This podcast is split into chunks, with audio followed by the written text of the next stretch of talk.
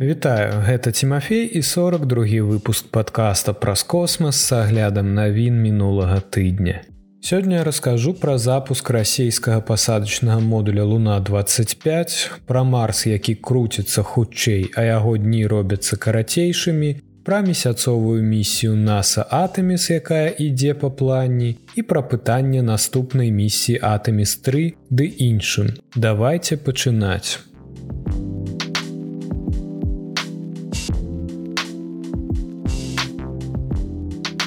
Расія запустила пасадачны модуль 25 першы месяцовы зонд за 47 гадоў. Расія аднавіла сваю праграму даследавання месяца 11 жніўня, адправіўшы пасадачны модуль да бліжэйшага суседа зямлі. Місія Луна 25 стартавала 2310 па Грынвічы на ракете Саюз 21 Б з касмадрома ўсходні ў Амурскай вобласці на далёкім усходзе рассіі. Запуск пачаўся з таго месца, дзе былы савецкі саюз спыніўся ў 1976 годзе, калі луна 24 паспяхова даставіла на зямлю каля 170 грамаў месяцовых узораў. Але гэта было тады. Луна 25 першы айчынны месяцовы зонд у найноўшай гісторыі рассіі. Калі ўсё пойдзе па плане луна 25 правядзе наступныя 5 дзён у падарожжы да месяца, а затым яшчэ 5-7 дзён будзе круціцца вакол спадарожніка. Затым касмічны карабель сядзе ў раёне паўднёвага полюсу месяца недалёка ад кратара Богуслаўскага. Апынуўшыся ў цэласці і захаванасці луна 25 будзе працаваць на месяцовай паверхні не меней аднаго зямнога года. Луне 25 спатрэбілася больш часу, чым чакалася, каб адарвацца ад зямлі. Запуск быў адкладзены амаль на два гады. Адна з сур'ёзных праблем са зваротным адлікам гэта ўварванне рассіі ва ўкраіну. Еўрапейскае касмічнае агенцтва павінна было даць навігацыйную камеру Pilot D, створаную спецыяльна для таго, каб дапамагчы Луне 25 здзейсніць дакладную пасадку на месяц. Аднак праз уварванне ЕСа адмяніла супрацоўніцтва з камерамі, а таксама шэраг іншых сумесных касмічных праектаў. Асноўныя задачы луны 25 адпрацоўка тэхналогій будучых мяккіх пасадак на месяц, аналіз месяцовага бруду і горных парод і правядзення іншых навуковых даследаванняў. У выпадку паспяховай пасадкі апарат вывучыць верхні пласт месячнага рэгаліту, ацэніць звыш тонкую месяцовую атмасферу і будзе шукаць прыкметы вадзянога лёду ў раёнах паўднёвага полюсу. У плане дэсантавання полтаратонная луна 25 прынцыпова адрозніваецца ад сваіх папярэднікаў. Мінулыя савецкія месяцовыя пасадачныя модулі прызямляліся ў экватарыальнай зоне месяца. Гэты новы пасадачны модуль сядзе ў прыпалярнай вобласці месяца са складанай мясцовасцю. Спраектаваны пабудаваны расійскай аэракасмічнай кампаніі лавачкіна Луна 25 складаецца з дзвюх асноўных частак. Адна ўяўляе сабой пасадачную платформу, абсталяваную рухальнай усталёўкай і шасі, уключаючы доплераўскі выміральнік хуткасці. Іншы ўяўляе сабой негерметычны прыборны кантэйнер, загружаны навуковым абсталяваннем, радыятарамі, электронікай, сонечнымі панелямі, радыёзатопнай крыніцай цяпла і энергіі антэнамі і тэлевізійнымі камерамі. Луна 25 павінна прызямліцца прыкладна ў той жа час і ў тым жа раёне, што і індыйскі зон Чандраян 3, які стартаваў 14 ліпеня і прыбыў на месяцовую арбіту 6 жніўня. NASA таксама плануе стварыць адну або некалькі баз паблізу паўднёвага полюсу месяца да канца 2020х гадоў у рамках сваёй праграмы Атэміс.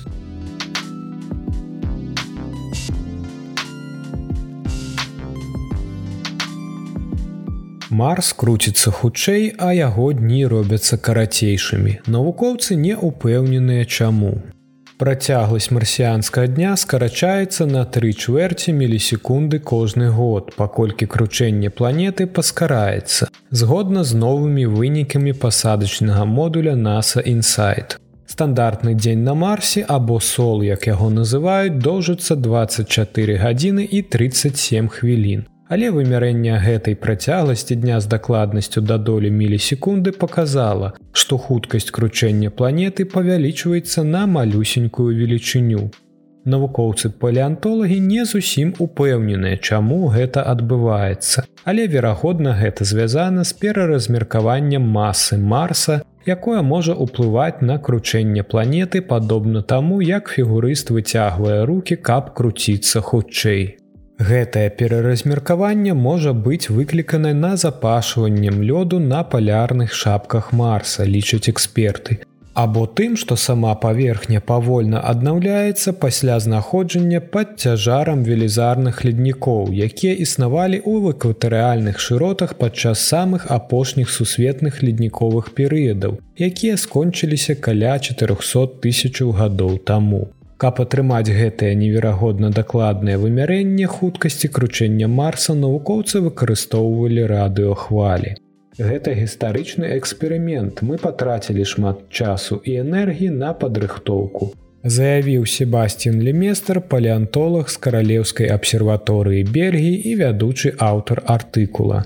Магутны радыёсігнал быў адпраўлены ў бок Марса сеткай далёкага космасу NASAа, якая складаецца з трох радыаантэн па ўсім свеце, якія выкарыстоўваюцца для сувязі з міжпланетнымі місіямі.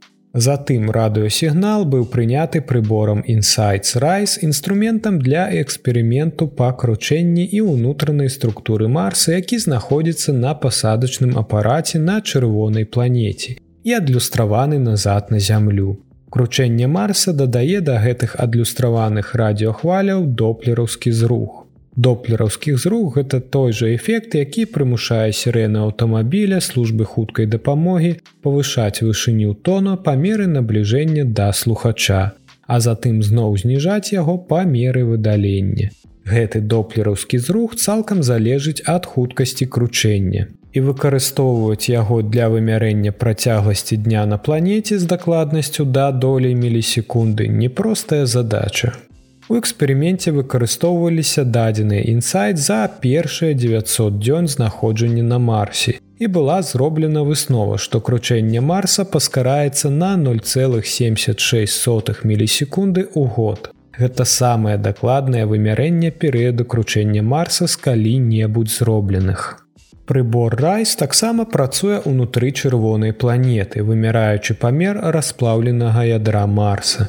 Хоць ядро планеты недаступны для прамога назірання, навукоўцы могуць вымерыць памер і верагодны стан манты ядра Марса, адсочваючы, як мяняецца радыёдадзеныя ад райс, калі Марс хістаецца вакол сваёй восі. Унутраная частка Марса, як і зямля, падзелена на розныя пласты. Ёсць пласт, на якой сядзіць паверхня. Пад ёй знаходзіцца мантыя, якая на зямлі змяшчае расплаўленую магму, а на марсе лічыцца цалкам цвёрдай. Гэта таму, што Марс астывае з-за уцечкі цяпла хутчэй, чым зямля, якая большая па памеры. Пад мантай знаходзіцца металічнае расплаўленае ядро з вадкага жалеза. І менавіта памер гэтага расплаўленага ядра каманда вучоных вымірала з дапамогай райс. Дадзеная райс пазначаюць, што расплаўленае ядро Марса мае дыаметр 3670 кіламетраў. Гэта можна параўнаць з марсам у цэлым, дыаметр якога складае 6779 кіламетраў. Аднак ёсць перасцярога. Калі мантая не цалкам цвёрдая, а насэмрэч знаходзіцца ў расплаўленым стане ўнізе, гэтая расплаўленая частка будзе круціцца незалежна ад цвёрдай часткі. Гэта азначае, што ядро можа быць на 400 кіламетраў менш, чым мяркуюць дадзеныя райс. Дадзеныя райс таксама паказалі, што ядро не ідэальна сферычнае, а камікаватае. Дадзеныя райс паказваюць на тое, што форму ядра нельга растлумачыць толькі яго кручэннем. Гаворыцца ў заяве атыла равольдзіні з каралеўскай абсерваторыі Бельгіі. У інсайт скончылася магутнасць і ён завяршыў сваю місію ў снежні 2022 года. Але ў навукоўца ўсё яшчэ ёсць шмат дадзеных ад місіі і ў прыватнасці ад райс для аналізу.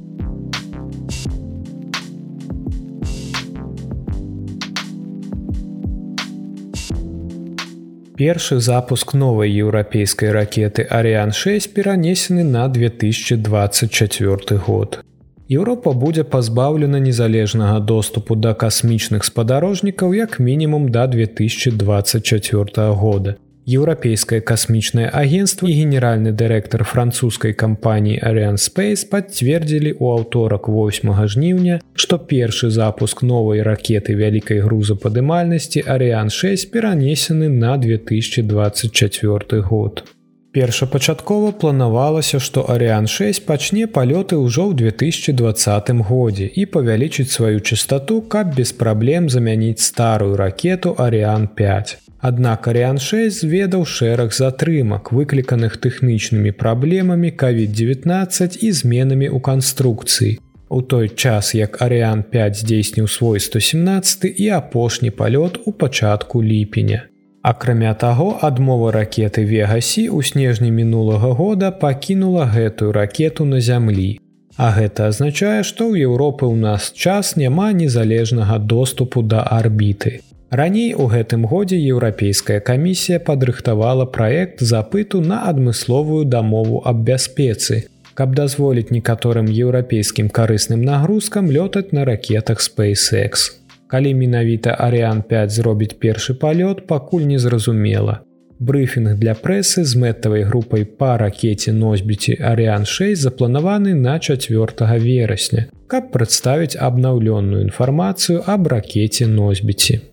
Генеральны дырэктар Ariан Space Стэфан Ізраэль у аўторак апублікаваў у твиттары графік, у якім выкладзены наступныя кропкі па тэставанні Ariан 6 перад першым палётам у 2024 годзе. Ізраэль сказаў, што мэтавая група арганізуе падрабязны брыфінг пасля працяглых выпрабаванняў 26 верасня. Калі мы таксама зможам пазначыць больш дакладны перыяд запуску на 2024 год. Нягледзячы на праблемы з распрацоўкай Арыан 6 трэба будзе правесці шэраг тэставых запускаў, але яна ўжо мае камерцыйныя кантракты. У тым ліку 18 запускаў для праекта шыракапалоснай мегагрупоўкі Amazon Quipar.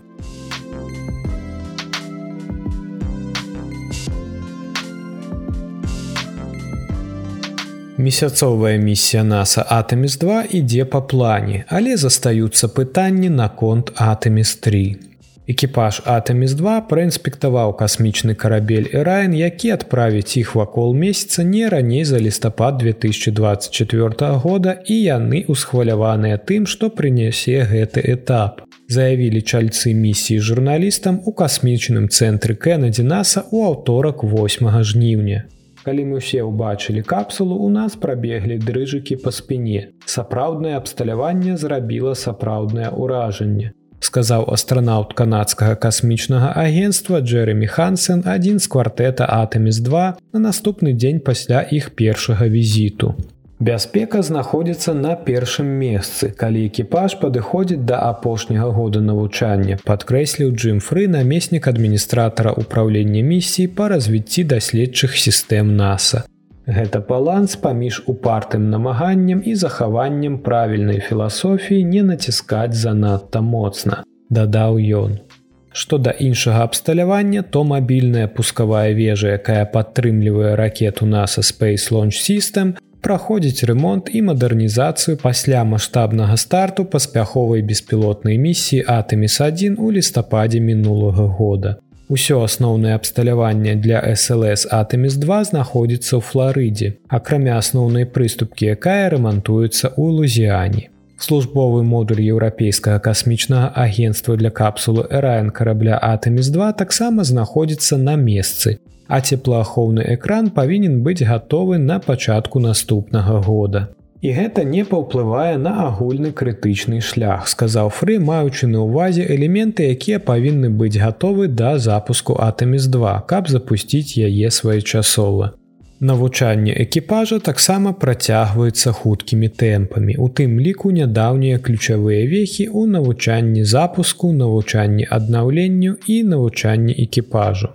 Па словах прадстаўнікоў NASAа пытанні пачынаюць узнікаць у сувязі з высадкай на месяц місіі Атоміс3, намякаючы на тое, што можа спатрэбіцца новы план місіі, калі SpaceX не гатова да пасадкі. Снежань 2025 года па-ранейшаму з'яўляецца мэтавай датай запуску, але NASA чакае дадатковай інфармацыі ад SpaceX і гатоўнасці сістэмы Starship кампаніі наступнага пакалення перад якой пастаўлена задача высадзіць астранаўтаў атаміс3 паблізу паўднёвага полюсу месяца. Чыноўнікі NASA нядаўна былі ў Старбейс цэнтры касмічных караблёў SpaceX у паўднёвым Техасе, каб абмеркаваць графікі і чаканні гатоўнасці.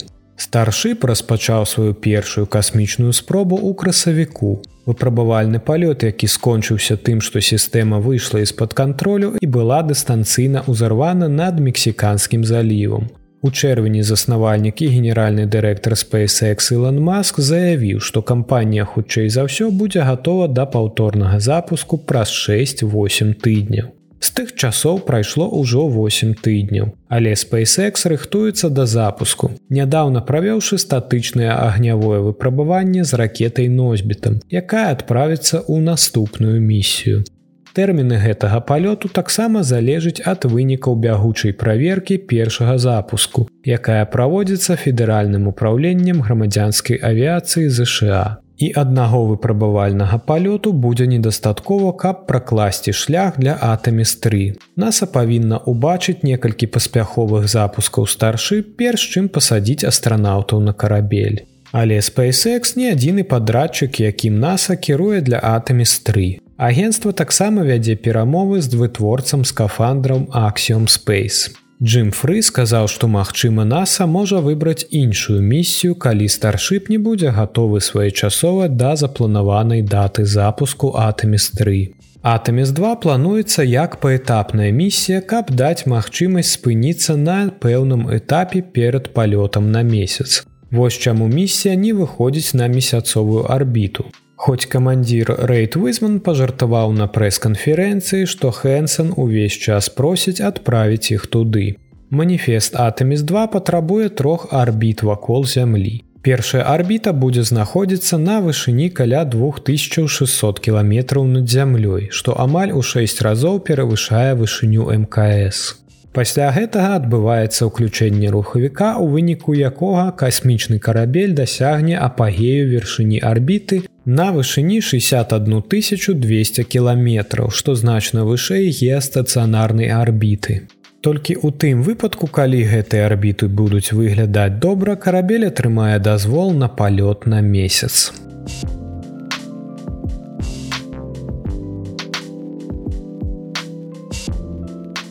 Гэта ўсе навіны, пра якія я хацеў распавесці вам у гэтым выпуску. Цяпер пагаворым аб самых цікавых падзеях наступнага тыдня. 18 жніўня месяц будзе побач з меркурыем. Праз два дні пасля маладзіка амаль небачны месяцовы дыск пройдзе побач з меркурыем. Назірайце іх увечары ў сузор'і льва. Марс будзе зяць побач.